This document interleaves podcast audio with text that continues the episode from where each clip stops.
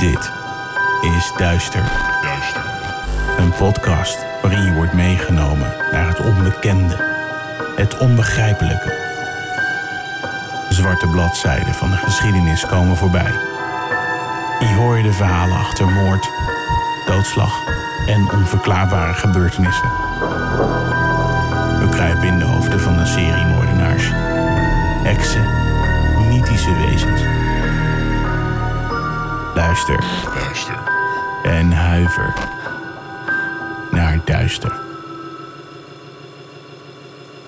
Hoi, lieve duistelaar. Du- Wat zeg ik nou? Duistelaar. Duistelaars.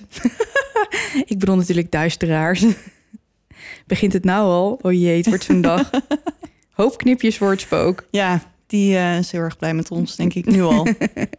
Nou, welkom iedereen. Aflevering 23 vandaag. ja, hebben heel veel leuke reacties gekregen op vorige week. Iedereen vond hem heel spannend. ja. Wat? Ja, ik dacht dat je verder ging praten. Je zat heel diep in te ademen. Ik dacht, er komt nog iets. Oh, ja, jij zat mij zo aan te kijken, dus ik dacht dat jij wat ging zeggen. Hmm. Misschien moeten we toch maar een script gaan schrijven tegenwoordig. Ja, maar dan gaat het spontaan En dan moeten, eraf. we, dan, moet, ja, dan moeten we teksten oefenen en zo. Hmm, dan was ik wel acteur geworden. Oh, oké. Maar ehm, welkom iedereen. Ehm, we hebben een vraag eh, voor je. We willen graag meedoen aan de Podcast Awards. En nou ga ik die er even bij pakken, want er, er, zit, er zijn namelijk twee dingen. Je hebt de radio... eh, De online radio. de Online Award. Radio Awards. En je hebt de Podcast Awards. En we willen graag allebei meedoen. Alleen Kim gaat je zo meteen vertellen over de Online Radio Awards. Ja. En ik heb hier een stukje over de nominatie via de Podcast Awards. Dat gaat namelijk via BNR. Eh, BNR Radio. Dus dat is landelijk en nou ja, best wel groot. En eh, vorig jaar won volgens mij uit mijn hoofd eh, Brand in het Landhuis. Landhuis. Dus dat zijn behoorlijk grote podcasts. Ja. Dus dat we zullen winnen, nou ja, dat Die kans niet. lijkt me niet zo heel groot. Maar we willen wel heel graag genomineerd worden. Dat lijkt ons namelijk wel echt heel erg leuk. Ja, En ehm, voor een nominatie moet je op de longlist terechtkomen. En daarvoor moeten mensen dus al stemmen. En dat ja doe je... mensen moeten ons nomineren. Ja, precies. En dan kom je op de longlist en daar worden dan podcasts uitgekozen die dan vervolgens genomineerd kunnen worden. Ja. Ja. Snap je het nog?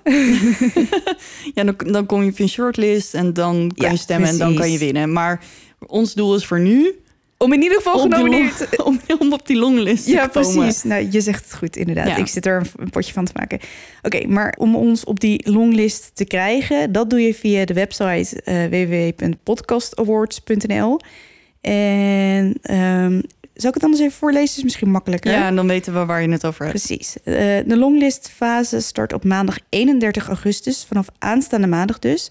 Vanaf die dag kunnen luisteraars en makers maximaal drie podcasts nomineren via de website www.podcastawards.nl.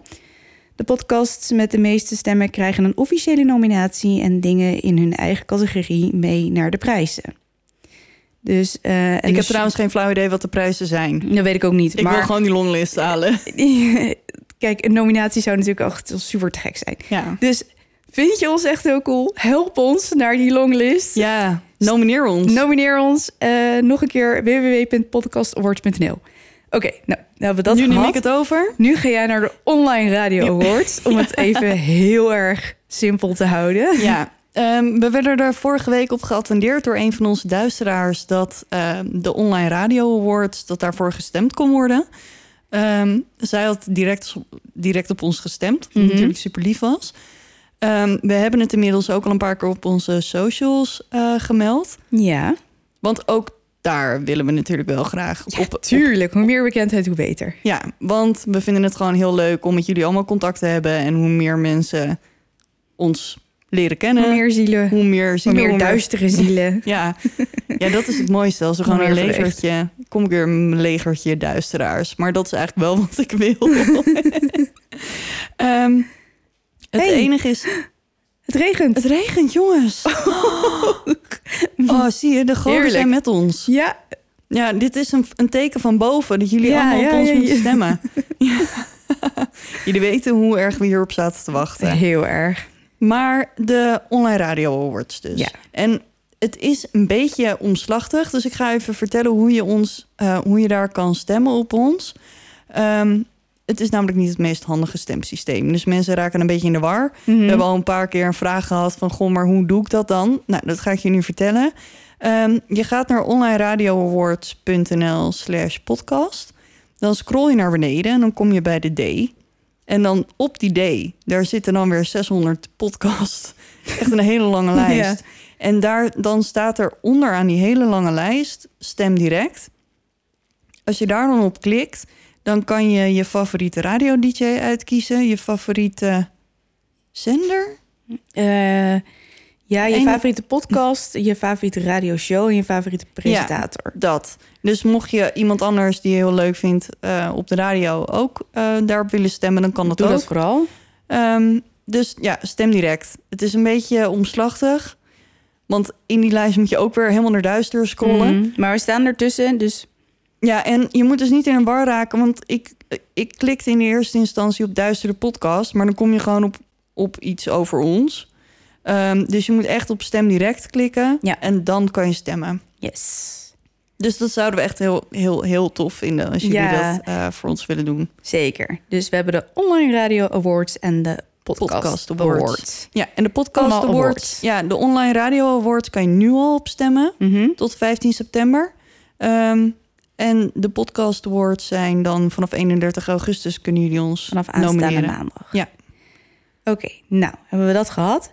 Ik wilde nog even zeggen, want we krijgen eh, verhalen doorgestuurd van mensen die zelf wat eh, hebben meegemaakt. En daar hadden we een speciale e-mail voor aangemaakt. Mijn verhaal, duisterpodcast.nl. Ehm, kleine voorwaarden, zorg dat je een, een verhaal hebt met een begin, een midden en een eind. Zodat Die we er gewoon voor kunnen lezen. maken, inderdaad. Eh, als we wat moeten aanpassen, dat geeft niet zo. Maar ehm, het is wel fijn voor ons als het een duidelijk verhaal is. Ja. Nou, hebben we alle huishoudelijke mededelingen gehad. Ja, dan gaan we maar gewoon beginnen. Heb jij nog een teaser? Het is echt heel erg. Oei, Het is echt heel erg. goed. Buckle Nou, up. nou oké. Heel spannend. Ik ben benieuwd. Ik ga beginnen.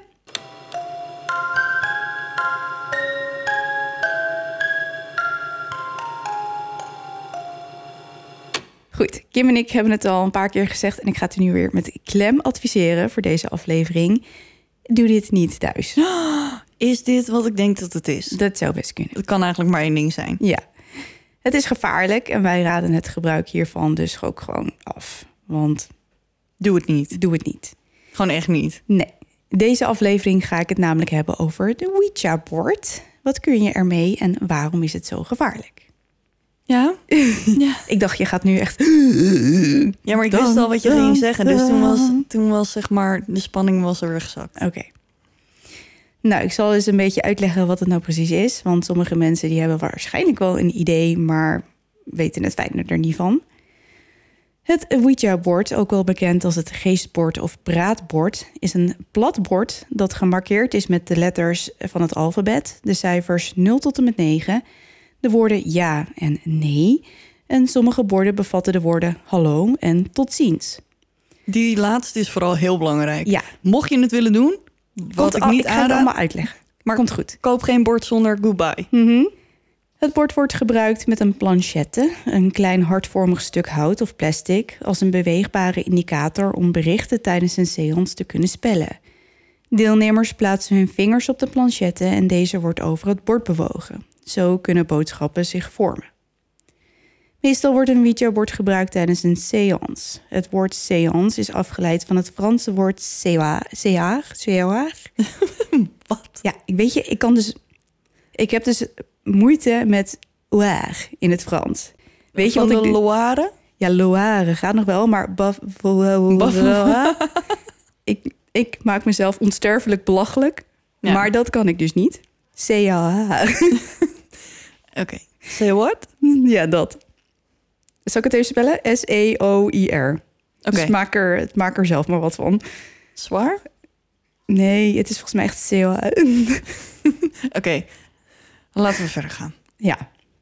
Oké, maar het betekent zitten, dus als in een sessie zitten op de grond bijvoorbeeld. Een sessie of een... Een sessie. Goed, en het is in feite een poging om met de doden te communiceren. Het communiceren met de doden begint rond 1840 in Amerika enorm populair te worden en er ontstaat een nieuwe beweging, het spiritisme. De oorsprong van het spiritisme wordt vaak toegeschreven aan de Fox-zusters van Hydesville. De zusjes Fox geloven dat de menselijke geest de dood overleeft en een actieve interesse in de sterfelijke wereld blijft tonen. De zusjes worden dan ook wereldberoemd als spirit mediums. Een medium of een medium is iemand van wie wordt aangenomen dat zij of hij een speciale gevoeligheid heeft voor communicatie met de doden en die ervoor kan zorgen dat dergelijke communicatie tussen deze en de geestenwereld mogelijk is. Dit doen zij dus door middel van seances. Tijdens een seance probeert een medium contact te leggen met de geesten. Omdat van daglicht wordt gezegd dat het de communicatie met de geesten zou belemmeren, vindt een seance meestal plaats in het donker of in gedempt licht. Over het algemeen nemen zes of negen personen deel die een cirkel vormen en elkaars hand vasthouden. Vervolgens worden er kaarsen aangestoken en wordt er voedsel op tafel gelegd. Dit alles om de geesten aan te trekken. Daarna probeert het medium contact te leggen. De groep houdt handen vast en de ogen gesloten. Als er eenmaal contact is gelegd, worden er alleen ja of nee vragen gesteld om de kans op antwoord te vergroten.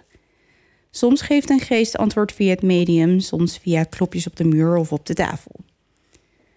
Als de gewenste antwoorden zijn verkregen, dankt men de geesten en verbreekt men de cirkel. En nu komen we bij dat belangrijke dankjewel punt. Ja. Want Kim zegt het natuurlijk met een reden. Ja. Dit alles is dus zonder het Ouija-bord. Dus een seance is wat anders dan het gebruik van het Ouija-bord. Want waar komt het bord nou precies vandaan en wie heeft het bedacht? Dat vond ik zelf wel interessant, want Mhm. iedereen kent het, maar ja, Ja. wat is de oorsprong dan? Tijdens de opruk van het spiritisme beseft men al snel dat het wachten op een geest en het uitspellen van letters soms een behoorlijk saaie en langdradige gelegenheid is. ja. Toch wil de grote menigte contact blijven zoeken met een dierbare overledene. In een tijd waar de levensverwachting niet hoger is dan 50 jaar, vooral door oorlog en ziektes, is het houden van een seance de enige manier om geliefden dichtbij te houden. In 1886 bericht de Associated Press over een nieuw fenomeen dat alle spiritisten overeind laat veren: het praatbord. Het praatbord. Het praatbord. Het is in alle opzichten het huidige Ouija-bord, compleet met letters, cijfers en een planchettenachtig voorwerp. Het artikel gaat heel Amerika door, maar het is Charles Kennard uit Baltimore die er daadwerkelijk naar handelt. In 1890 brengt hij een groep investeerders bij elkaar, waaronder Elijah Bond en kolonel Washington Bowie, om de Kennard Novelty Company op te richten. Het doel is om deze nieuwe praatborden exclusief te maken en op de markt te brengen. Geen van de mannen is daadwerkelijk spiritist, maar ze zijn allemaal enthousiaste zakenmensen en ze hebben een niche ja, ontdekt. en die hebben gewoon een neusje voor goede zaken. Ja. En dus wordt er patent aangevraagd en toegewezen en het Kennard praatbord wordt ontwikkeld. Nu alleen nog een naam. In tegenstelling tot vaak wordt gedacht, is Ouija geen combinatie van het Franse oui en het Duitse ja. het is namelijk de schoonzus van Elijah Bond, Helen Peters, die het bord van een naam voorziet. Dit is ook weer een heel raar verhaal. Zittend rond de tafel vraagt Helen het bord hoe ze het moeten noemen en de naam Ouija komt door. Als ze vraagt wat dat dan betekent, antwoordt het bord veel succes. Griezelig en een beetje cryptisch, maar oké, het bord heeft gekozen, denken ze. Ja. Pas veel later komt boven tafel dat Helen Peters die dag een medaillon draagt met daarin een afbeelding van een vrouw met de naam Ouida. Het is dus goed mogelijk dat Helen deze vrouw bewonderde, want Ouida was een vrouwenrechtenactiviste. Oh. Ja, en dat de naam Ouija uit die bewondering voortkwam, maar dan wel verkeerd uitgesproken. En zo ontstond dus het wereldwijde fenomeen, het Ouija-bord. Ik heb trouwens het idee dat wij hier heel vaak Ouija zeggen. Maar het, is, het eindigt op een A. Ja, klopt. Je mag Ouija en Ouija, Ouija zeggen. Mag allebei. En ik dat, nou ja, omdat ehm, Helen Peters de naam bedacht, tussen aanhalingstekens, en dat het Ouida waarschijnlijk was, dacht ik, ik hou gewoon Ouija. Ja. Maar mag allebei. Een Ouija-bord werkt dus ongeveer op dezelfde manier als een seance, maar dan dus sneller. Er wordt aangeraden alleen het bord te gebruiken als je je goed voelt. Als je een slecht humeur hebt, je misselijk bent of moe, is het niet verstandig om het Ouija-bord te gebruiken. Dit om de kans dan groter is om negatieve geesten aan te trekken. Maar hoe werkt zo'n bord dan? Je kunt het bord in je eentje gebruiken of in een groep. Afhankelijk van de grootte van de groep wordt er één persoon gekozen die de vragen zal stellen. De anderen houden hun vingertoppen lichtjes op de planchet. De vragensteller begint met een simpele ja-nee-vraag en er zal in eerste instantie niet zoveel gebeuren. Pas als er daadwerkelijk contact is gelegd met een geest, dan zal de planchette bewegen en de woorden uitspellen. Als de sessie klaar is, is het van groot belang dat het bord wordt afgesloten. Afsluiten die handel. Afsluiten betekent dat de geest waar contact mee is gelegd wordt verzocht om afscheid te nemen. Het is belangrijk dat de geest begrijpt dat deze hier niet kan blijven. Zodra de geest afscheid heeft genomen, wordt het bord omgedraaid en eventuele kaarsen worden uitgeblazen. Nou, waarom is een Ouija-bord dan gevaarlijk? Kim en ik zeggen het dus de hele tijd. Heel regelmatig. Doe het niet. Je weet namelijk niet van tevoren wie je oproept. Het kan namelijk van alles en iedereen zijn, want je richt je niet speciaal tot één persoon. Nee, en je kan wel hopen dat je je oma Ja, ehm, maar dat weet je dus niet. maar je weet dus niet of je Nee. kan iedereen. Je In feite een soort stel van je poort open. jezelf compleet open voor alles. Ja. Nou, mocht je mm, toch van plan zijn om het te gebruiken, lees je in. Praat met mensen die betrouwbare ervaringen hebben met het bord. Die weten wat de juiste manieren zijn om het te openen en te sluiten. En hoe je jezelf eventueel extra kan beschermen. Ja, doe het met iemand die er verstand van heeft. En dan niet je buurvrouw die het een keer geprobeerd heeft. En oh, ik weet het wel. Verdiep je erin, lees je in. Doe dit met sense, alsjeblieft, Ja. mensen. Denk erover na. En volgens mij wat er vaak gebeurt is... mensen schrikken heel erg wat er gebeurt... ehm, terwijl ze bezig zijn met dat bord. Mhm. En dan rennen ze allemaal de kamer uit. Maar ze vergeten in de paniek wel om dat bord af te sluiten. Ja, Dus dat is dus het enige wat je dus niet moet doen. Nou, je Nee. moet het sowieso niet doen. Maar als je het dan toch doet, doe dat dan. ja, maar doe het goed, weet je. Ik zal niet zeggen dat ik echt een fervent gelover ben in demonen en geesten en weet ik veel wat. En ik geloof zeker dat er meer is tussen hemel en aarde eh, dan dat wij denken. Maar dit, ik vind dit, dit is gewoon ehm, een beetje uitlokken. Ja, ik vind het ook een beetje spelen met vuur, inderdaad. Ja. En ehm, ja, nou dat. Punt. Doe het niet. Ja, nou ja, eigen keus, maar eh, wees gewaarschuwd. Ja. Oké, de zaak die ik vandaag wil bespreken gaat over een meisje die het Ouija-bord gebruikt heeft. Eh, namelijk Stefania Guterres Lazaro. Zo, hier heb je uitspreek. ook geoefend. Nee, nee, helemaal niet. Nee, dit komt gewoon zo spontaan in je Ja, mond uitgerold. Ja, ik, ik weet niet, het is Spaans. Dus ik, ik heb het idee dat ik het soms een beetje Italiaans uitspreek. Maar hey, mediterraans, ik hoop zelfde hoogte, zelfde golflengte. Ja, zoiets, ja. Ah, baf, wauw, wauw. Bafawa. Nee, Net die van jou is ook niet veel beter. Bafawa. Ja, heel st- ja, wauw. Ja, het is maar goed dat ik nooit aan heel Holland Bak mee zal meedoen. Nee. Anyway, eh, wij hebben hem eh, laatst nog zitten kijken. Er is een, een, eh, een film op haar leven gebaseerd. Oh. Vrij recent, maar ik ga niet verklappen welke. En dan mag jij aan het einde raden welke film dat dan is. Wie, ik? Ja, jij. Maar je weet toch dat ik sowieso die titel nooit heb onthouden? Oh jawel, het begint, ik weet het. Ja? Ja. Oké. November 1989. Stefania Guterres Lazaro zit aan het sterfbed van haar opa. De man is seniel en zo dement als een deurknop en eh, de laatste maanden heeft hij zich tot een onuitstaanbare gemene persoonlijkheid ontwikkeld. Hij is zijn hele familie gaan haten, mede door de veel voorkomende ruzies tussen hem en zijn dochter Concepcion. Dat klinkt heel Frans. Dat Ja, dat is... Concepcion. Concepcion. Ja, Ja. maar dat vind ik, ja, Nou ja, goed. Het, we snappen je. dank je. Vlak voor hij sterft zweert hij dat hij het leven van zijn familie vanuit de andere kant tot een absolute hel zal maken. Hoezo? Geen idee. Wat onaardig. Ja, maar hij was Niet, ja. seniel en dement. Ja, en ja, ja. ik weet niet, eh, ik denk niet dat je dan nog heel erg op aarde bent als je dat allebei bent en dan ook nog ruzie hebt met je dochter. Ja, oké, oké. We gaan naar maart 1990. Op een dag als elke andere gaat de 16-jarige Estefania naar school. Estefania is de derde van zes broers en zussen. Oké, komt-ie. Curobina, Marianella, Ricardo, Maximiliano en José Luis. Kinderen van Concepción Lázaro de la Iglesia en Maximo Guterres Palomares. Zo, applaus, applaus. dat Dank ging u, best dank soepel. u, dank u. Estefania studeert aan het Colegio Publico Aragon van Vallecas in Madrid op een paar minuten van haar huis. Net als elk ander meisje van haar leeftijd heeft ze haar zorgen, haar verliefdheden en haar school. Die dag belooft gewoon een van zoveel te worden, inclusief de stiekeme ontmoetingen achter het muurtje met haar vriendinnen. Net als elke andere dag verdraagt ze de saaie leraren en let ze op in de klas. Ze maakt aantekeningen en telt de minuten af totdat de bel gaat en ze terug kan keren naar huis.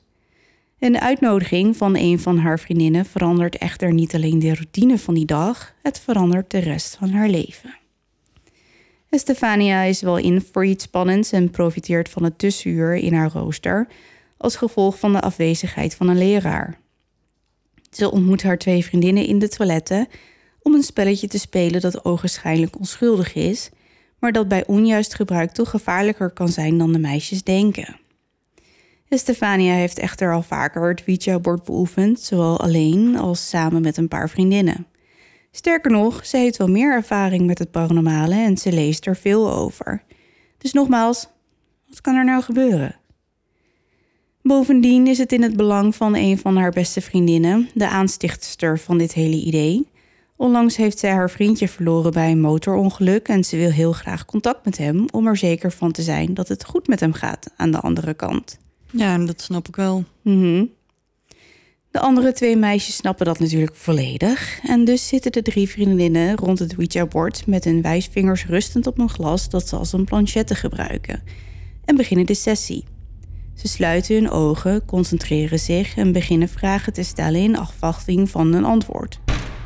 Helaas wordt de sessie van de meisjes bruut onderbroken als hun leraar Dolores Molina de toiletten binnenstormt. Dolores is katholiek opgevoed en de aanblik van het zondige Ouija-bord laat haar panieken van angst, want dat is Dat is heel zonde. heel zondig. Zonder erbij na te denken, grist ze het bord van de grond en breekt het zonder pardon over haar knie in tweeën.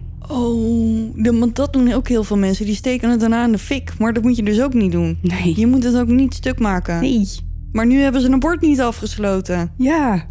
Nee. Nee. Oh, dit wordt helemaal ruk. Mhm. Dat klopt, ja. Boos kijkt ze de meisjes aan en sommeert hen onmiddellijk terug te keren naar hun les. Op hetzelfde moment gebeurt er iets ongewoons. Het glas, dat een eindje over de grond is gerold, vult zich ineens met een vreemde rook en explodeert met een luide klap in meerdere stukken. Overal ligt glas en ook de meisjes zitten onder de kleine scherven. De vreemde rook stijgt omhoog en beweegt zich onregelmatig. Ineens giet het op Estefania af en als haar hoofd plots naar achter klapt en haar ogen wegdraaien, boort de vreemde rook zich in haar neusgaten. Iedereen ziet het gebeuren. Een van de meisjes slaakt een gil en Dolores hapt naar adem. Later zou ze aan Concepcion, de moeder van Estefania, vertellen dat ze haar werk op de school de volgende dag heeft verlaten. En nu begint de nachtmerrie pas echt. In de weken die volgen ondergaat Estefania een plotselinge verandering in haar gedrag. Haar relatie met haar familie verslechtert aanzienlijk, tot op het punt dat ze haar broers, zussen en ouders verschillende keren fysiek probeert aan te vallen. Op een nacht besluit ze haar broertje. Ze klimt op zijn bed en kruipt over hem heen. Als hij wakker wordt, schrikt hij van de duistere blik in de ogen van zijn zusje. Hij begint te huilen en Estefania geeft hem zonder waarschuwing een harde klap in zijn gezicht. Steeds vaker schreeuwt ze onredelijk tegen haar broertje, haar ouders en zelfs tegen de buren. Ze lijkt behoorlijk licht geraakt en opvliegend. Zo opvliegend dat ze meerdere keren het hele huis kort en klein slaat met een stoel. Oké. Ja. Na haar uitbarstingen is Estefania moeilijk aanspreekbaar en zit haar hele familie in de zooi. Boos worden helpt niet, daar wordt ze alleen maar agressiever van. Maar haar gedrag wordt nog vreemder. Na die bizarre ervaring met het Ouija-bord en de rook slaapt Estefania bijna niet. Ze lijdt aan hallucinaties en visioenen waarin een groep schaduwen zich om haar bed heen verzamelen en zachtjes dingen tegen haar fluisteren, haar aansporend om met ze mee te gaan. Soms uit ze vreemde keelklanken en lijkt ze talen te brabbelen die haar onbekend zijn. En in de parapsychologie bestaat zoiets bekend als glossolalie. Ehm, oké. Oftewel het spreken van klanktaal of spreken in tongen. Net zoals in Harry Potter, dat hij naar de Mhm. dierentuin gaat en dan breekt die slang. Sisseltong. Ja. Precies. Dat bestaat dus echt. Nou, niet dat, maar wel dat je talen spreekt die je niet kent. Ja. Ze ziet de donkere schaduwen steeds vaker ook overdag en ze raakt af en toe in een vreemde trance. Volgens haar moeder is Estefania soms 15 tot 20 minuten totaal onbereikbaar. Ze reageert dan op geen enkele prikkel. Het enige wat ze doet is kwijlen en voor zich uit lachen. Hmm, Dat is niet goed, hè? dat is niet goed, nee. Als er dan wordt gevraagd wat er met haar is gebeurd, verklaart Estefania dat ze zich in een lange gang bevond, waarvan de bodem bedekt was met een dikke mist. Het was er donker en vochtig. Ze hoorde geschreeuw in de verte en sinistere stemmen vroegen haar met hem mee te komen. Er was geen uitgang, alleen maar een vaag licht aan het einde. Ze voelde zich koortsig en manisch en kon alleen nog maar aan dood en verderf denken. Met het verstrijken van de tijd worden de vreemde symptomen erger. Extreme woedeaanvallen, heftige toevallen en visioenen. Ze worden gewelddadiger en komen vaker voor. Haar zus Marianella, die een kamer deelt met Estefania, beweert dat ze op een avond ziet hoe haar zus, terwijl ze in bed ligt, haar hoofd in haar nek gooit en de vreemde rook weer uit haar mond komt. Oh, Ineens zweeft het meisje uit bed tot ongeveer een meter boven het matras. Als Marianella struikelend de kamer uitrent om haar vader te halen en ze samen de kamer betreden, ligt Estefania weer op het bed met haar gezicht in een duivelse glimlach, starend naar hen. oh. Het lijkt me echt heel eng. Ja. De rest van de familie is ook getuige van bizarre verschijnselen. Een middag wil Estefania haar kleren strijken in de badkamer. Volgens conception... conception Jongens, ik zeg gewoon conception, oké? Ik weet dat het Frans klinkt. Maar anders dan krijgen we dit struikelblok Ja, de rest nee, van, de, van, de, van de aflevering. Ja, nee, ga maar gewoon. We snappen je. Conception. Nee, doe het niet. Oké. Volgens Conception schreeuwt haar dochter ineens om haar moeder omdat ze een donkere silhouet heeft gezien en het strijkijzer automatisch is aangegaan en ze nu haar hand heeft verbrand. Conception controleert het strijkijzer en inderdaad, het is wel aan, maar niet heel erg heet. Toch houdt Estefania krampachtig haar hand vast terwijl de blaren erop komen. Gadver. Plots vliegt de badkamerdeur dicht en draait het slot op de deur. Maximo, dus de vader, Mm. probeert zijn vrouw en dochter te helpen bij het openen van de deur, maar tevergeefs. Iets houdt de deur dicht. Ze bonken op het hout en rammelen aan het slot, maar niets helpt. Maximo rent naar de woonkamer om iets te zoeken waarmee hij de deur kan inslaan, maar vindt er niks en keert met lege handen weer terug naar de badkamer. Als hij op het punt staat de deur dan maar een trap te verkopen om hem open te krijgen, ziet iedereen hoe het slot langzaam omdraait, de klink omhoog gaat en de deur zich soepeltjes opent. Oké, zo vanzelf. Mhm. Hm. Bezorgd om hun dochter nemen de ouders van Estefania haar mee naar verschillende specialisten. Ze brengen haar zelfs naar vier verschillende medische centra om een oplossing te vinden. Maar niemand kan ze een duidelijke diagnose stellen of een effectieve behandeling geven. Eén arts speculeert dat Estefania aan epilepsie lijdt en hij geeft haar zelfs medicijnen mee, maar die hebben geen effect. Nee, als je geen epilepsie hebt, dan... Nee. Bovendien lijken haar symptomen niet op die van epilepsie. Haar moeder, Conception, leed zelf aan lange, langere tijd aan epilepsie. En zij had zeker geen visioenen en ze hoorde ook geen stemmen. En dat is volgens mij ook niet iets wat daarbij hoort. Mm, nee. Nee. Ondertussen worden de gesprekken met Estefania steeds vreemder en sinisterder. Op een bepaald moment doet ze wel een heel bizar verzoek. Ze zegt haar moeder dat de familie van haar vader niet op de hoogte mag worden gebracht van haar aanstaande dood. En dat ze in haar doodskist een foto moeten plaatsen van Estefania met haar vader.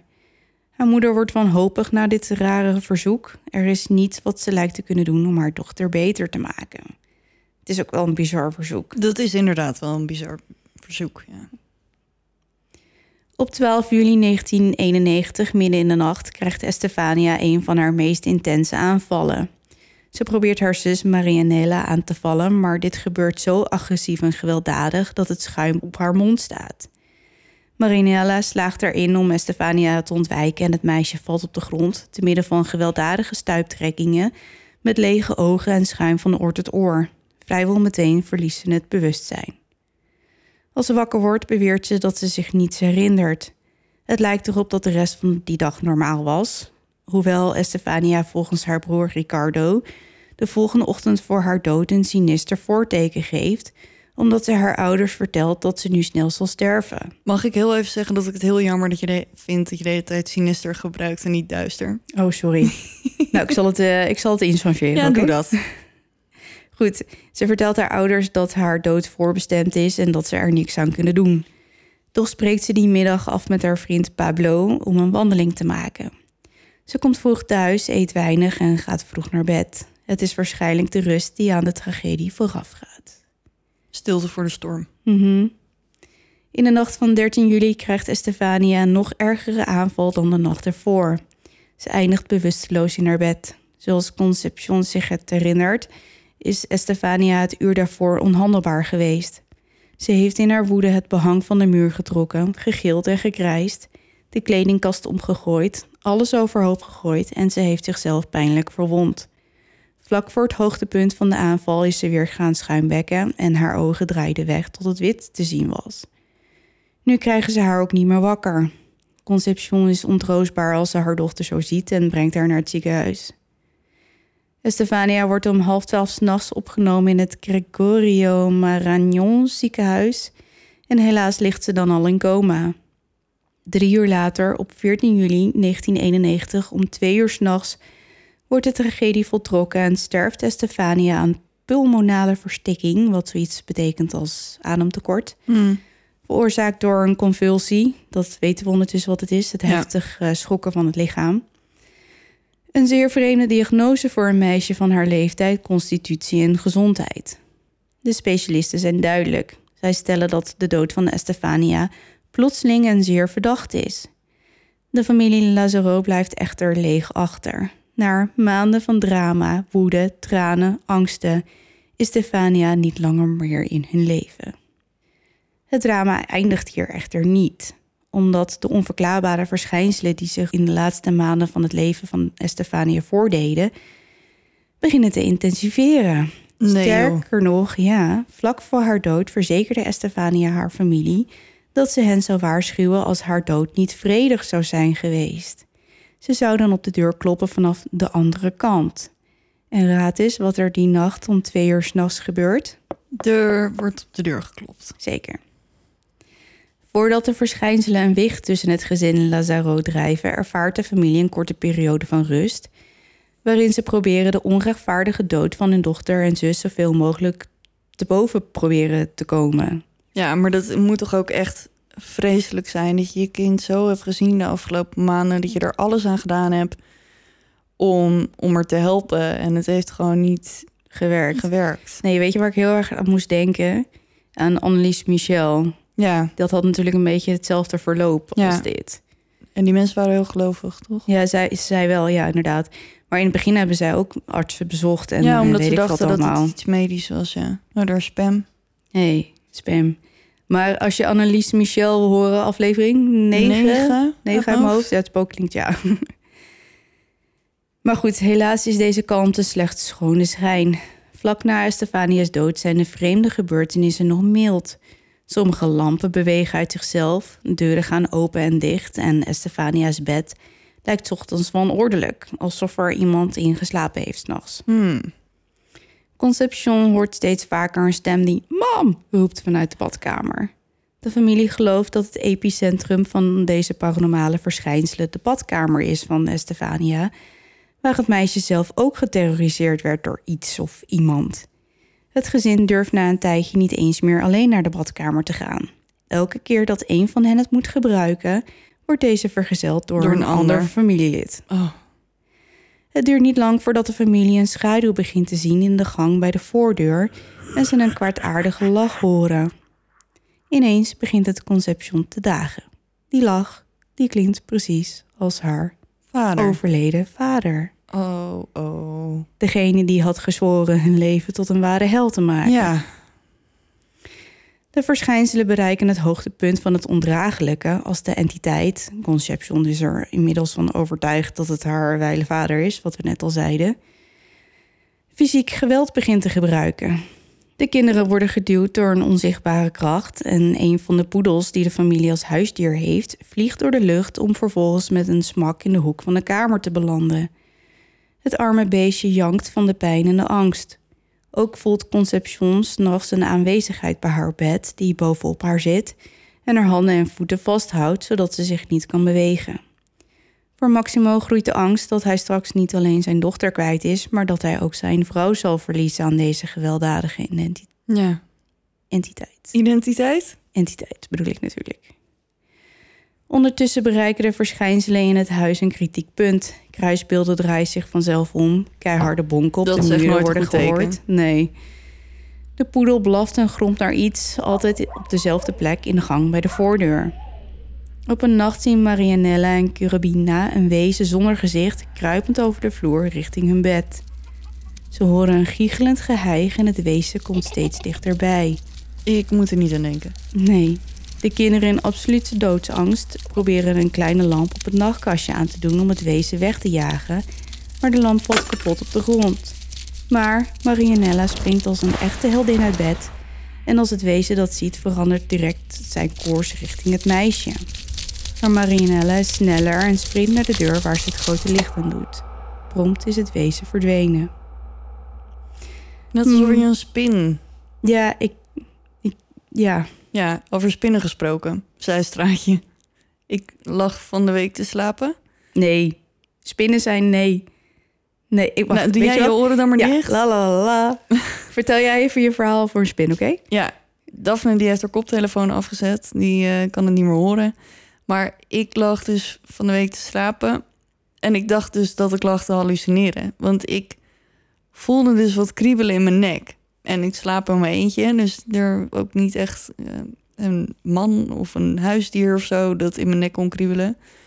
Dus ik dacht, nou ja, het zal wel. En ik wilde het licht niet aandoen. Dus op een gegeven moment dacht ik, ja, ik wil gewoon verder slapen. Laat me met rust. Dus ik heb een beetje zo in mijn, in mijn hals gegrepen en een beetje dat geprobeerd weg te halen. Dus ik heb het in mijn slaap zo uit mijn bed gegooid. En toen ben ik weer verder gaan slapen. En even later had ik weer... Daphne zit volgens mij... Ben je klaar? Nee, Oh, nee, doe je oren maar weer dicht. oké. En even later voelde ik weer gekriebel op mijn arm. En ehm, dus toen heb ik het er weer een beetje afgeveegd.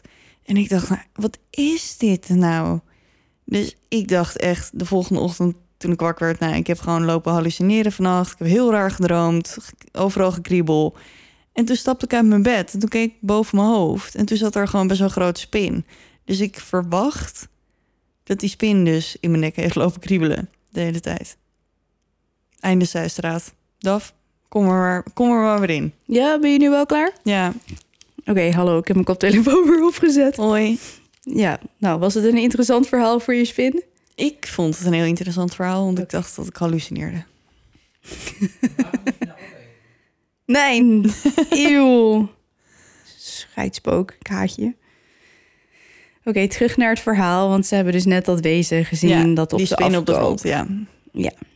Maximo en Concepcion zien het wezen even later door de gang kruipen en weer horen ze het giechelende geheig. Maximo trekt uit paniek de kinderen uit bed en de familie verzamelt in de gang bij de voordeur, bakkeleiend over wat ze nu moeten doen, als ze ineens een bal naar hen toe zien stuiteren. Wat? Ja, Maximo volledig by surprise en in een poging om de veiligheid van zijn familie te waarborgen, grijpt de bal, gooit hem terug door de gang, maar verrassend genoeg kaatst de bal terug naar hen toe zonder ook maar iets geraakt te hebben. Hmm. Dus er is iemand heeft het gevangen en het teruggegooid? Of het was een soort van shield? Ja. Een soort van... Mhm. De angst die de familie voelt is zo heftig dat iedereen zijn matras naar de woonkamer verplaatst om daar de nachten samen door te brengen. Maar hoezo blijven ze daar nog? Ja, weet ik veel, maar dat is toch altijd zo? Ja. Ja, normaal ben, ik, ben jij altijd degene die zegt... waarom blijven ze daar dan nog? Ja, ja. Het raakt je hè, deze keer. Ja. Iedere nacht weer blokkeren ze de deur die de gang verbindt met de woonkamer om de entiteit buiten te houden. Maar deze actie blijkt echter iedere keer weer nutteloos. De entiteit is in staat om het blokkerende meubilair naar de tegenoverliggende muur te sleuren en de deur uit zijn sponning te laten knallen. Tuurlijk. Wanhopig en niet in staat om de situatie onder controle te krijgen, besluit het gezin parapsychologen en mediums te bellen om een oplossing te vinden. Zoals je kunt verwachten komen er veel charlatans naar het huis om geld te verdienen aan de pijn van het gezin. Zo biedt een medium of een medium uit Sevilla Conception aan om alle problemen op te lossen tegen een betaling van een slordige 200.000 peseta, ongeveer 1800 euro. Oh, dat is niet lullig. Nee. Geen van de onderzoekers komt met een kant-en-klare oplossing voor alle problemen van de familie Lazaro. Op een zeker punt wordt de familie zelfs beschuldigd van fraude. Concepcion vindt dat ronduit belachelijk en verzint manieren om het bestaan van de entiteit aan te tonen. Op een keer strooit ze bloem door de gang van het huis. En ja hoor, de volgende dag zijn er voetafdrukken van een herenschoen verschenen. Een andere keer als de familie het huis een tijdje verlaat om tot rust te komen, bindt Concepcion alle deuren vast met een koord. Wanneer ze terugkomen, zien ze dat alle koorden gebroken zijn. Dus iets of iemand in het huis Heeft dat kapot gemaakt. heeft dat zitten, zitten doen. Ook installeren ze een inbraakalarmsysteem dat meerdere keren afgaat in de tijd dat het huis leeg staat. Onderzoekers plaatsen bandrecorders in het huis en deze nemen voornamelijk twee stemmen op: een man en een vrouw. De vrouw is lastig te verstaan, maar de man des te duidelijker. Scheldwoorden, verwensingen, doodsbedreigingen is het enige wat ze van hem horen. Gezellig type wel. Mhm. Op 19 november 1992 kan de familie er niet meer tegen. Als zelfs alle onderzoekers, ghost hunters en parapsychologen niet kunnen helpen, is het tijd om de hulp van anderen te vragen. Die avond belt Maximo om twee uur s'nachts het Spaanse politienoodnummer 091. Hij vertelt haastig dat sinds een van zijn dochters is overleden, iets of iemand zijn gezin lastig valt. Hij beschrijft hoe de kruisbeelden in zijn huis vanzelf zijn omgedraaid en dat er drie klauwafdrukken op een poster zijn verschenen en dat een foto waar zijn overleden dochter op staat spontaan ontbrand is. Oh, ook dat nog. Mhm. Het antwoord aan de andere kant van de lijn heeft een nogal sceptische toon. Toon. Toon. Toon. Sorry. Zit in Spanje, niet in Amerika. in de Americas. Ja, soms verval ik ineens een beetje in het Amerikaans. Een sceptische toon. De agent die het warrige verhaal van Maximo aangehoord heeft, vraagt hem om zijn vrouw te geven om uit te sluiten dat Maximo niet onder invloed is van een of andere drugs. Oké. Concepcion komt echter met exact hetzelfde verhaal. En hij denkt niet, misschien zijn ze dan met z'n tweeën dronken. Nee, Of drugs Nou, aan het gebruiken. wat ik dus wilde gaan zeggen, omdat de situatie nog steeds zo ongeloofwaardig lijkt. Is, ja. en vraagt de agent om de telefoon dan maar door te geven aan een van de kinderen. en die vertellen dus Precies hetzelfde, hetzelfde verhaal. verhaal. Precies. Nou, misschien zit de hele familie aan de drugs. Dat, ja, dat kan. Kan. In de meldkamer staart de agent even naar de hoorn van de telefoon en besluit dan maar dat de situatie reëel lijkt. En omdat de familie in gevaar lijkt te zijn, stuurt hij een patrouillewagen naar het adres van de familie Lazaro. Op straat in de stromende regen ontmoet agent Negri de verzopen familie die in die koude nacht van 27 november beter buiten beschermd denkt te zijn dan in hun eigen huis. Kan het ze niet kwalijk nemen. Ik ook niet. Agent Negri inspecteert het huis en belt een kwartier later het hoofdkwartier om te vertellen dat wat de familie tijdens het telefoontje had verklaard waar is. Want er is hem iets vreemds overkomen. Tijdens de ondervraging van de familie is agent Negri zich namelijk de tandjes geschrokken. Dit omdat de deur van een kleine kast in de woonkamer verschillende keren vanzelf open en dicht is gegaan, terwijl hij ernaar stond te kijken. Hij is agent en best wel nuchter, maar hij is ook opgevoed met de vele Spaanse spooklegendes en verhalen. En ook heeft hij vanuit zijn ooghoek iets op hem af eh, zien kruipen. Een donkere schaduw. Ja, dat wil je ook Lijkt niet. een beetje op een spin, hè? Kim? Ja. Mhm. Spin Kim. Het licht gaat vanzelf aan en weer uit en agent Negri staat er angstvallig naar te kijken. Ondertussen voert hij een visuele inspectie van het kleine kastje uit om fraude uit te sluiten. Hij analyseert de kast en concludeert dat er geen mechanisme is dat de beweging van de deuren kan hebben uitgelokt. Kort daarna, terwijl de agent en de familie bespreken over wat er nou eigenlijk precies gebeurd is, Mhm. horen ze op het terras van het huis een keiharde knal. Het lijkt wel vuurwerk, zo hard is het. Iedereen schiet overeind en agent Negri gaat naar het terras om de oorzaak van het lawaai te onderzoeken, maar opnieuw vindt hij niets. Terwijl de agent buiten staat, ontstaat er binnen in de woonkamer een vlek die lijkt op bruin slijm op het tafelkleed van de salontafel. Gadverdamme. Ja, het druipt langs de tafelpoot naar beneden.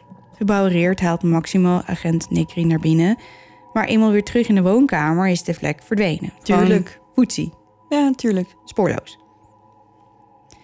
Op dat moment klapt de woonkamerdeur zo hard dicht dat agent Negri zich met een ruk omdraait, zijn wapen trekt en op de deur richt, denkende dat er misschien nog een inbreker in het huis is. Met nog altijd getrokken wapen loopt agent Negri langzaam de gang in richting de badkamer. In de gang op de grond liggen gevallen kruisbeelden. Een ervan is zelfs in tweeën gebroken. De deur van de badkamer staat op een kier en met zijn voet duwt de agent de deur open. Als hij naar binnen loopt is het er ijskoud. Zijn adem maakt ijswolkjes als hij gespannen de ruimte onderzoekt. Wederom vindt hij niks. Daarna keert hij terug naar de familie en maakt hij een rapport op waarin hij claimt dat de familie last heeft van paranormale verschijnselen. Nou, dat is wel eh, Een goede conclusie. een goede conclusie. En ook hij... Normaal worden ze altijd afgewimpeld, maar hij, Nee, hij gelooft gewoon hij zelf gelooft ook dat het ja. gebeurt.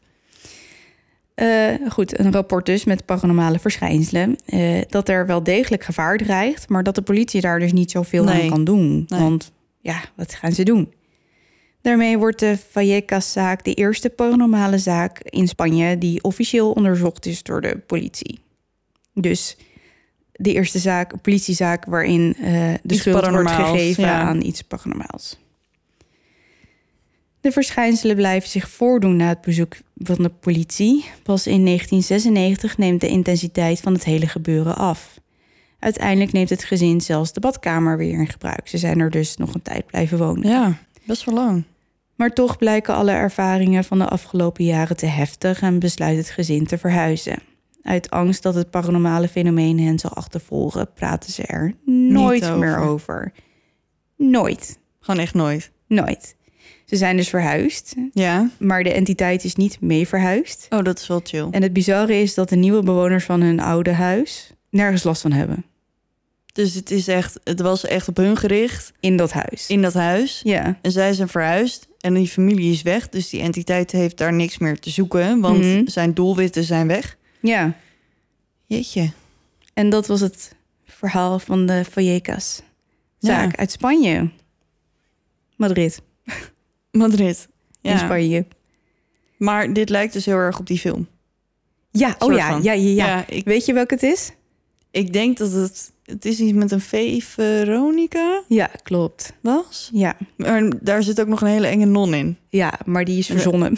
Ja, het was dus wel een lerares die de boel Die- kwam ja, verstoren. maar dat was geen enge non. Nee, dat was geen enge non. Nee. Nee. Nee, dit is inderdaad eh, het verhaal waar de film op gebaseerd is. En Veronica is in dit geval Estefania. En ehm, het is waar gebeurd. Het meisje is daadwerkelijk overleden, helaas.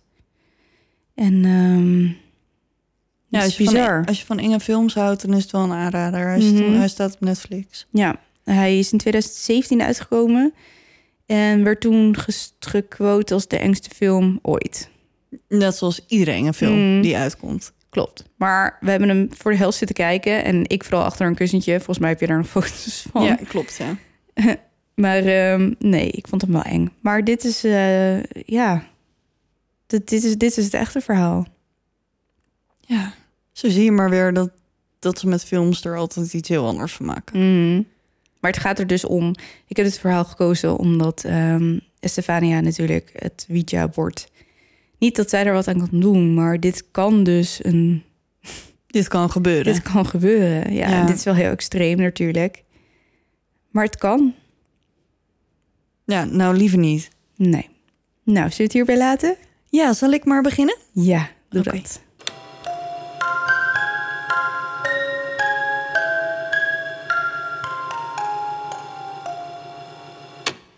Vandaag vertel ik het verhaal van Junko Furuta. En voordat ik begin, eerst even een disclaimer. Dit verhaal bevat seksueel misbruik en vreselijke martelpraktijken. Ehm, en dan ook echt heel vreselijk. Dus als je hier gevoelig voor bent, dan zou ik deze gewoon even overslaan. Helemaal. Helemaal. Oké, dat is wel heftig dus. Ja, ja, je kan. Ja, voor de rest het einde is ook kort. Dus dat heeft niet zoveel zin. Ehm, ik heb nog niet eerder zo'n erge zaak besproken, dus wees gewaarschuwd. Oké, dank je. Ja, het leek me wel eh, Mhm, zeker. met het oog op wat er gaat komen een verstandig eh, ding om te doen. Junko wordt geboren op 18 januari 1971 in Misato, Japan. En in 1988 staat ze op het punt om haar middelbare schooldiploma te halen. Junko was een hele lieve meid en ze wordt beschreven als best wel braaf. Ze dronk niet, rookte niet, gebruikte geen drugs, gedroeg zich keurig. Volgens mij vonden haar klasgenoten haar maar een beetje saai, maar ze was ook wel heel populair. Waarschijnlijk ook omdat het gewoon een mooie meid was om te Hmm. zien. Haar schoonheid was ook Hiroshi Miyano, de grootste pestkop van de school, niet ontgaan. Oh, leuk. Ja, want die had een beetje een oogje op haar. Hij vroeg haar mee uit en Junko, die nog helemaal geen zin had in een relatie, wees hem vriendelijk maar resoluut af. Hiroshi was het niet gewend om afgewezen te worden en hij werd woest. Hiroshi was niet alleen een enorme pestkop, maar ook een lid van de Yakuza. En de Yakuza is een hele grote misdaadorganisatie die in het hele land bekend stond om zijn meedogenloosheid. Een soort van de Japanse maffia. Mm, Om het maar even zo, eh, dan heeft iedereen er denk ik wel een beetje beeld bij. ja. En Hiroshi wilde wraak, want hoe haalden, het, hoe haalden ze het in haar hoofd? Nou, om hem af te voor. wijzen? Hoe haalden ze het in haar hoofd? Op 25 november 1988 liepen Hiroshi en zijn vriend Nobuharu Minato door de stad toen ze Junko rond half negen zagen fietsen. Ze kwam net bij haar bijbaantje vandaan. Hiroshi zag zijn kans schoon en stuurde Nobuharu op haar af om haar van haar fiets te schoppen. Oh, Ja. Nadat hij haar van haar fiets afgetrapt heeft, smeert hij hem. En Hiroshi die had zich even verstopt. En komt nu als een soort van redder in nood naar Junko Mm. toe om, om haar te helpen. Ja, ja, en hij ja. biedt haar aan om maar naar huis te lopen. Junko, flink geschrokken, accepteert zijn aanbod en samen gaan ze op weg. Als ze onderweg zijn, is ze zich er niet van bewust dat ze helemaal niet richting haar huis gaan, maar dat Hiroshi haar naar een leegstaande loods brengt. Eenmaal daar aangekomen, dreigt hij haar te vermoorden en verkracht haar. oh, jezus. Jongens, Ja, het, dit hoe, is. hoe haal je het als man in je hoofd? Ik zou, ik zou deze rant nog even bewaren, want dit is nog maar het begin. En dat is ook. Ja, het wordt echt heel erg. Als hij klaar is, neemt hij haar mee naar een nabijgelegen hotel en verkracht hij haar daar nog een keer. Vanuit het hotel belde hij zijn vrienden Nobuharu, Yo Ogura en Yasushi Watanabe. Sorry jongens, mijn Japans ehm, Nou, het gaat best soepel. is net zo goed als mijn Noors en zo. Als mijn Spaans. Ook dat, ja. Joost stelt voor om Junko gevangen te houden, zodat hij, de andere vrienden en nog meer mensen haar seksueel zouden kunnen misbruiken. De jongens hadden zich al eerder schuldig gemaakt aan groepsver- eh, groepsverkrachtingen. Dus een leuke hobby. Sarcastisch is dit. Ja, dat snap ik. Ja, ik wil een heleboel dingen zeggen, maar... Ja, nee, bewaar het maar gewoon even tot het eind. Mhm. Rond drie uur s'nachts nam Hiroshi Junko mee naar een nabijgelegen park... waar Nobu, Nobuharu, Yo en Yosushi al zaten te wachten. In haar tas vonden ze een notitieboekje met haar adres... en dreigden dat leden van de Yakuza haar familie zouden vermoorden... als ze probeerden te ontsnappen. Tuurlijk. Ja. De vier jongens nemen haar mee naar het huis van Nobuharu... waar een groepsverkrachting plaatsvond. Nobuharu woonde nog bij zijn ouders... Jezus. En die wa- Oh. Als ze horen dat haar ouders naar haar op zoek zijn en haar als vermist hebben opgegeven bij de politie, dwingen ze Junko om naar huis te bellen en tegen haar ouders te zeggen dat ze is weggelopen en bij een vriendin verblijft. Tuurlijk. En ze haalt haar moeder over om ehm, tegen de politie te zeggen dat ze veilig is, zodat ze niet meer naar haar zoeken. Maar, eh, maar... eh, Oké, ik, ik, ja, ik, ik kan natuurlijk niet oordelen vanuit haar situatie, maar ik was denk ik nog liever gestorven dan dat ik zou liegen tegen mijn moeder hierover. Ja, maar ze is dus juist bang voor het leven van haar ouders. Op die manier. Oké, dat ja, dus in, Dat kan ik denk dat in haar hoofd ja, dat ze precies. haar Ze was familie... natuurlijk bedreigd met dat de leden van die misdaadorganisatie dan Ja. haar ouders. Oké, daar kan ik nog in komen. Ja, Maar je kan natuurlijk niet. Wat onmogelijk dit. ja. Ja, is echt onmogelijk. Als Nobuharu's ouders aanwezig zijn, moet ze doen alsof ze de vriendin van een van de jongens is. Maar na een tijdje geven ze die act maar gewoon op. De ouders van Nobuharu weten dat Hiroshi banden heeft met de Yakuza. En ze zijn bang dat hij ze laat vermoorden. Dus ze laten de jongens gewoon hun gang maar gaan. Oh, In totaal blijft Junko 44 dagen in het huis. Jeez. Of, of 40. Ik heb beide gelezen, maar nou, het is allebei even erg. het is even erg. Maar ik ga volgens mij gebruik ik vanaf nu vooral 44. Oké. En al die tijd wordt ze misbruikt en gemarteld. Terwijl Holy die shit. ouders gewoon in de buurt zijn. Nee. Ja, in ieder geval, die dagen waren hels. En mocht je nu nog niet uitgetuned zijn, ehm, vanaf nu wordt het pas echt vreselijk. Dus nogmaals, een waarschuwing. En ik ga, ehm, ja, dit is, ik ga nu opnoemen wat Junko allemaal moest doorstaan hier na haar gevangenschap. En daar ga ik gewoon zo kort en bondig mogelijk Mhm. ehm, doorheen. Ja, ik eh, hou mijn hart vast. Ja, oké, gaan we. Ze werd vernederd en was altijd naakt. Ze werd iedere dag vaginaal en anaal verkracht. Er wordt gedacht dat ze door meer dan 100 mannen misbruikt werd. Hiroshi nodigde leden van de Yakuza uit om een gang te gaan met het 16-jarige meisje. Er wordt geschat dat ze in totaal zo'n 500 keer verkracht is, soms wel 12 keer op een dag. Ze werd geslagen met golfclubs en haar gezicht werd tegen de cementen vloer geslagen. Er werd over haar heen en in haar mond geplast. Ze werd gedwongen om voor haar verkrachters te masturberen om ze op te winden. Er werden verschillende dingen bij haar ingebracht, waaronder flessen, een ijzeren staaf, een schaar en spiezen. Spiezen? Ja, Sorry, maar ik... die je gebruikt voor de saté. Ze kreeg bijna niks te eten of te drinken. Ze werd gedwongen levende kakkerlakken te eten en haar eigen urine te drinken. Er werd vuurwerk bij haar ingebracht en aangestoken, wat resulteerde in vreselijke brandwonden. Haar linkertepel werd verwijderd met een tang. Ze liet de halters op haar buik vallen, terwijl haar handen en voeten vastgebonden waren, wat ervoor zorgde dat ze geen controle meer had over haar darmen. Ze werd aan het plafond opgehangen en gebruikt als boksbal. Soms werd ze in de vriezer gestopt, waar ze uren moest blijven liggen. Nee. Haar oogleden werden verbrand met hete wax en aanstekers. Ze prikte in haar borsten met naalden. Haar vagina en clitoris werden verbrand met aanstekers en sigaretten.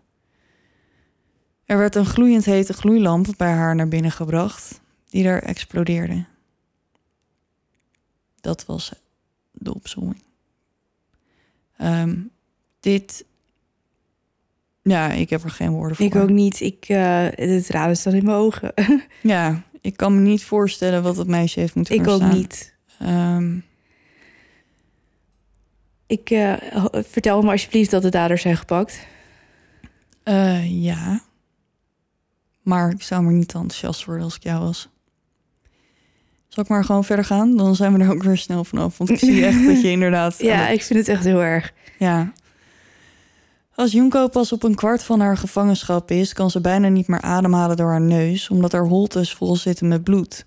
Haar organen waren zo erg beschadigd door alle mishandelingen dat ze geen eten en drinken meer binnen kon houden. Als ze wat probeerde te drinken, moest ze gelijk spugen. Dit zorgde er niet alleen voor dat ze steeds meer uitdroogde, maar maakte haar kidnappers furieus omdat ze het tapijt vies maakten. En dit zorgde voor alleen maar meer geweld. Op een gegeven moment, als de jongens hebben gedronken en liggen te chillen, ziet ze, een kans, eh, ziet ze kans een telefoon te pakken te krijgen en het alarmnummer te bellen. Nog voordat ze in staat is wat te zeggen, wordt ze betrapt en de verbinding wordt verbroken. Als straf worden haar voeten overgoten met aanstekervloeistof en worden ze in brand gezet. Er werd anaal een fles ingebracht die voor vreselijke interne wonden zorgde en heftige bloedingen omdat haar voeten en benen zo vreselijk verbrand waren, was ze bijna niet in staat om te lopen. Soms kostte het haar een uur om naar de wc te komen. En als ze daar dan aankwam, kon ze bijna niet plassen omdat ze zoveel interne verwondingen had. Haar handen kon ze ook niet meer gebruiken omdat alle botten in haar handen waren gebroken doordat er halters op waren gegooid. En al haar nagels waren tot bloedens toe gescheurd. Ze moest buiten op het balkon slapen, in de winter. Helemaal naakt. Jezus.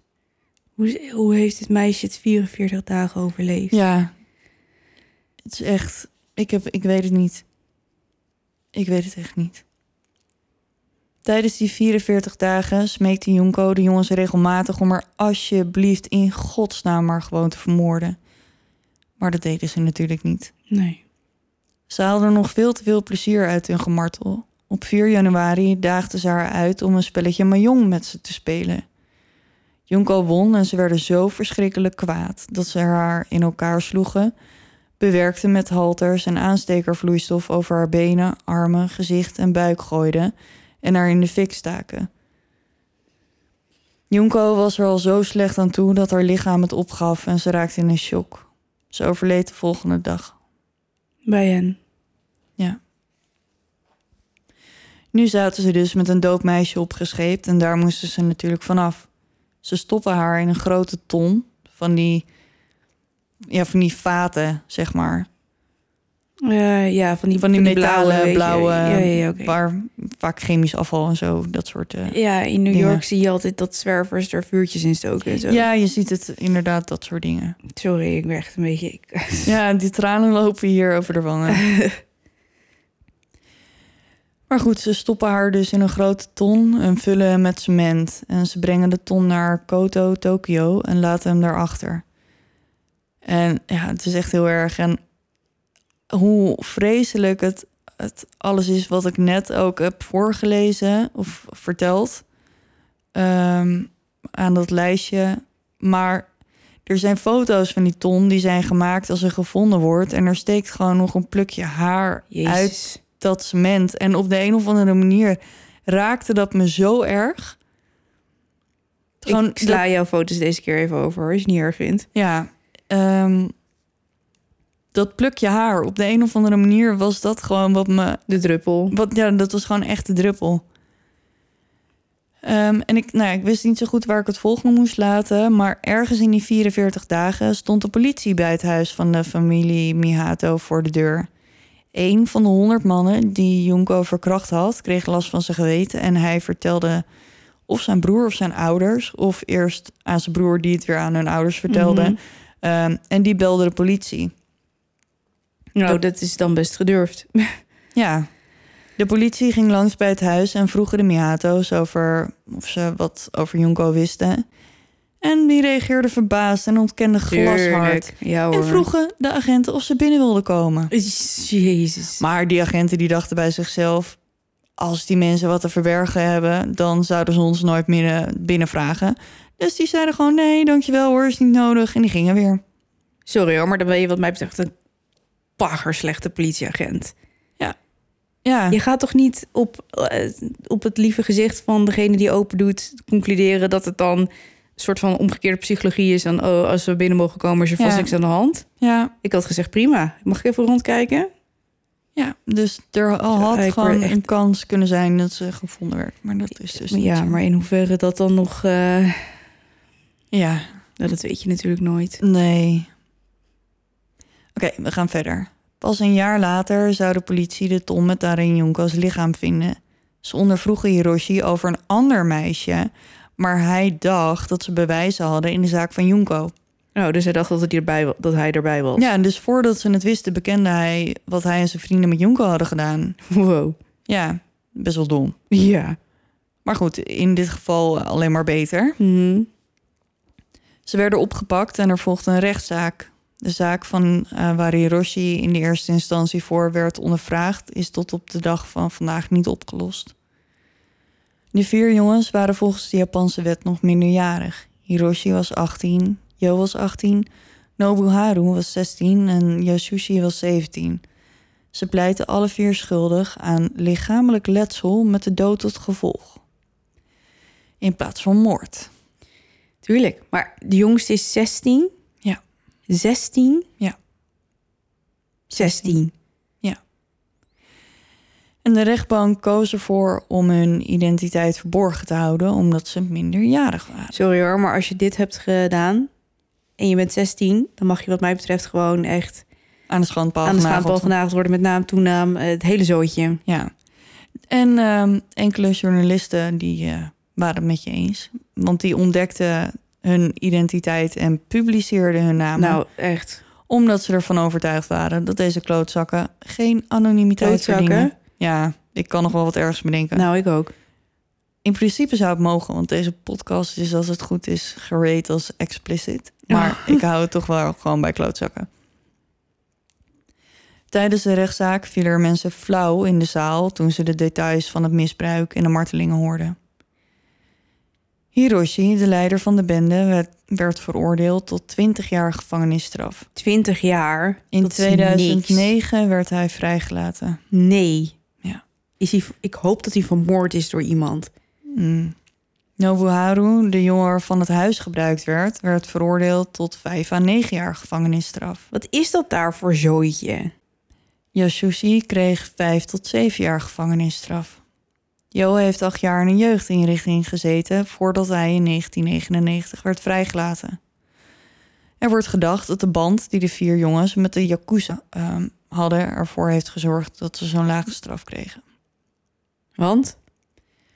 Dat, eh, dat kan tegenwoordig. Dat je dan. eh, Ja, blijkbaar zijn. dat de eh, rechtbank daar zich wat van aantrekt of zo tegenwoordig of zo. Hoe werkt Blijkbaar dat? wel, ja. Ik weet ook niet hoe dat werkt.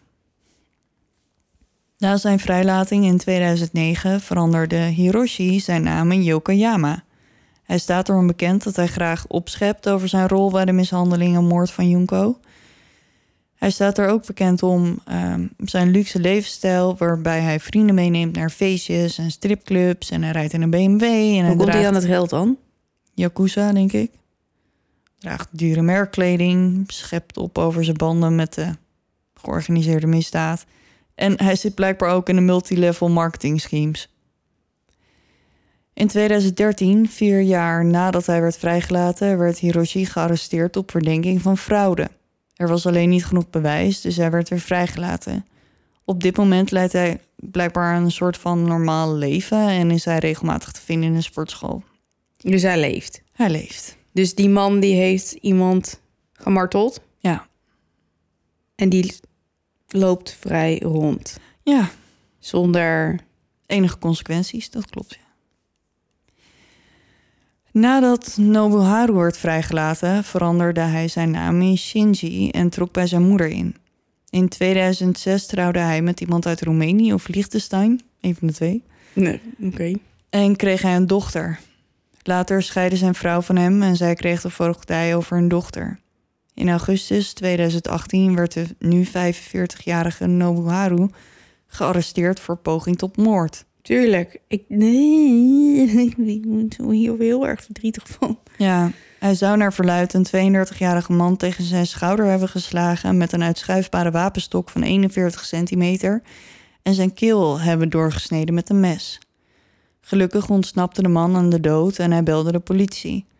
Na zijn arrestatie ontkende Nobuharu de beschuldigingen aan Ja, joh. moord. Hij zei waar. wel, ik heb het slachtoffer geslagen, maar ik was niet van plan om hem te doden. Na zijn vrijlating uit de jeugdinrichting in augustus 1999 veranderde Yo Ogura zijn naam in Yo Kamisaku en schepte hij op over zijn rol in de ontvoering, verkrachting en marteling van Junko. Hij verkwiste het spel het spaargeld van zijn vader. En de moeder van Jo zou het graf van Junko vernield eh, hebben. Sorry? En ja, want ze beweerde dat Junko het leven van haar zoon had verwoest. Sorry? Ja, dus die is ook helemaal verknipt. Hij trouwde met een Chinese vrouw, maar scheidde ook weer van haar. En ehm, in juli 2004 viel hij Takatoshi Isono aan, een 27-jarige man waarvan hij dacht dat hij vreemd ging met zijn vriendin. Jo spoorde hem op, duwde hem in zijn auto en reed naar een bar waar hij hem eh, vier uur lang in elkaar sloeg, terwijl hij herhaaldelijk dreigde Takatoshi te vermoorden. Hij zei daarbij dat hij donders goed wist hoe dat moest. Maar die man die had er niks mee te maken. Nee, deze weet ik niet of ze daadwerkelijk een affaire hadden. Maar ehm, hij werd opgepakt en veroordeeld tot vier jaar gevangenisstraf wegens het mishandelen van Takatoshi. In 2009 was hij weer vrij. En tot nu toe is Yoshushi de enige die niet opnieuw in de problemen is gekomen. En dat was het verhaal van Junko. Het spijt me, ik weet dat het echt een hele zware is. Ja, ik vind dit wel heel heftig, ja.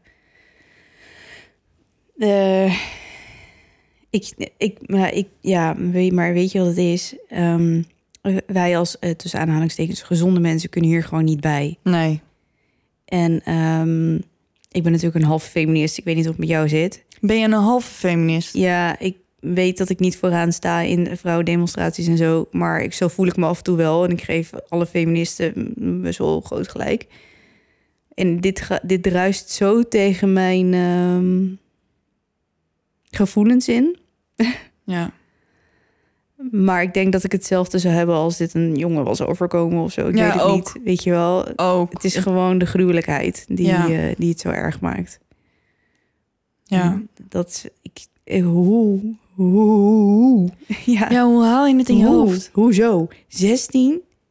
Ja. Ik, ik, En dit was blijkbaar ook niet de eerste keer dat ze ehm, aan een groepsverkrachting hadden meegedaan. En blijkbaar kon het allemaal gewoon.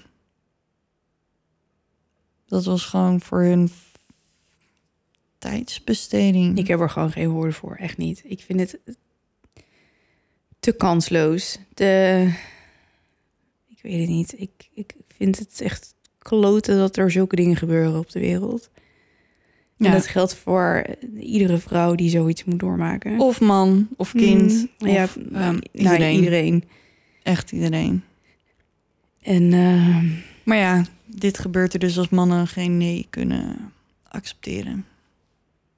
En daar Ja. heb ik wel het een en ander over te zeggen. Maar, ja, ik ehm, ook. gaan we niet nu, nu doen. Nee, Eh, Het is niet helemaal de plaats. Maar ehm, nee, ik ben het met je eens. Ik, ik weet, ik kan ook niet te veel zeggen, weet je wel. Behalve dat het. ehm, ja, echt helemaal gestoord. Ja. En eh, heel erg zielig. Ehm, en ik denk dat we het hier maar gewoon misschien ook bij moeten laten. Want er valt gewoon, we vallen alleen maar in herhaling. Ja, En dat is ook zo. Zodra de microfoon zo meteen uitgaat, dan gaan we met z'n tweeën van potje schelden. En, eh, Janken. ja, dus dat, maar daar hoeven jullie verder eh, niet bij te zijn. Nee. Ik kan me zo voorstellen dat iedereen die dit wel geluisterd heeft, Hetzelfde ook even hetzelfde gaat Ja. doen en even in zijn kussen gaat schreeuwen. Ja, wat dat betreft hadden we beter kunnen eindigen met mij. Dan was het Ja, dan was een het nog een beetje luchtiger. Ja, Nou ja, die van jou was ook niet heel eh, gezellig deze keer. nee. Nee. Nee. nee. Gewoon een fotoaflevering. Sorry jongens. Sorry jongens. Oh, Ik zal eens kijken of ik een keer een vrolijk spook kan vinden. Kasper. Oh ja, nou, Ja, en dan doe ik nog een keer de zeepmaker van Correccio. ja. ja, om het een beetje luchtig te houden. Ja, nou ja, jongens, we gaan ermee ophouden. Ja, bedankt voor het luisteren. Denk aan alle awards die we graag willen winnen. Ja, eh, je, kan ons, je kan je verhaal natuurlijk altijd naar ons sturen. Nu op mijn verhaal, uh. Yes. Alle links en eh, foto's zijn te vinden op de website duisterdepodcast.nl. Daar Mhm. vind je ook ons invulformulier als je iets anders tegen ons wil zeggen. Dan hebben we Facebook, facebook.com slash duisterdepodcast. Eh, Instagram, het. YouTube, duisterdepodcast. En dan hebben we ze gehad, geloof ik. Twitter. Nee, ik heb weer allemaal nieuwe volgers gekregen. Ga jij dan lekker Jawel, tweeten? tweet, tweet, tweet, twitter ons, twitter ons. Hoe doe je dat? Tweet ons. Ja, nee. Doe het, vinden we leuk. Kim Nee. niet, maar ik wel. Stiekem. Ja, en ik zit ermee opgescheept. Nee, ik vind het hartstikke leuk hoor, jongens. Maar ik kan het gewoon niet. Ik kan het niet allemaal bijhouden. Echt niet. Nee, het wordt tijd ik voor, eh, voor. GJ. Die Ja. die ken, sommigen hebben hem natuurlijk wel voorbij horen komen. Maar GJ, je moet onze eh, media gaan doen, denk ik. Want we kunnen het allemaal niet meer bijbenen. Nee. Nee, ik vind het wel echt heel erg leuk. Maar ik ja, vind het heel leuk. We proberen ook op iedereen te reageren. Sowieso Ja, op we krijgen ook best wel veel. eh, af en toe een verbaasd berichtje van... oh, ik had echt niet verwacht dat jullie zouden reageren. Maar nee, we proberen echt om Ja, op we- iedereen te reageren. ik Want vind het... en s- ook, sorry als het soms een dagje langer duurt of een paar uurtjes, maar... Ja, en soms, soms, komen jullie echt met, met, met tienen tegelijk. En dan, eh, moeten we echt bijna afspreken. Reageer je op die en ik op Ja. die en ik op die. En dan... ja, en soms gebeurt het ook dat ik denk, oh, Daf reageert wel op die. En dan denkt Daf, oh, Kim reageert wel op die. En dan een dag later komen we zitten tot- dubbel te reageren. Dat gebeurt ook nog wel eens. Dat, iemand- ja, dat we met z'n tweeën tegelijkertijd zitten te reageren. En dan krijg je Ja. hele gekke antwoorden. Ehm, ja, jongens. Ik hoop dat jullie me niet haten. Nee, ik hoop dat je nog kan slapen. Ja, ook dat. En ehm, Nou ja, dat was dat hem. hè? was hem. Ja, Bedankt voor het luisteren nogmaals. En eh, tot volgende keer. En onthoud, blijf in het licht. Want je weet nooit wat er in het duister op je wacht.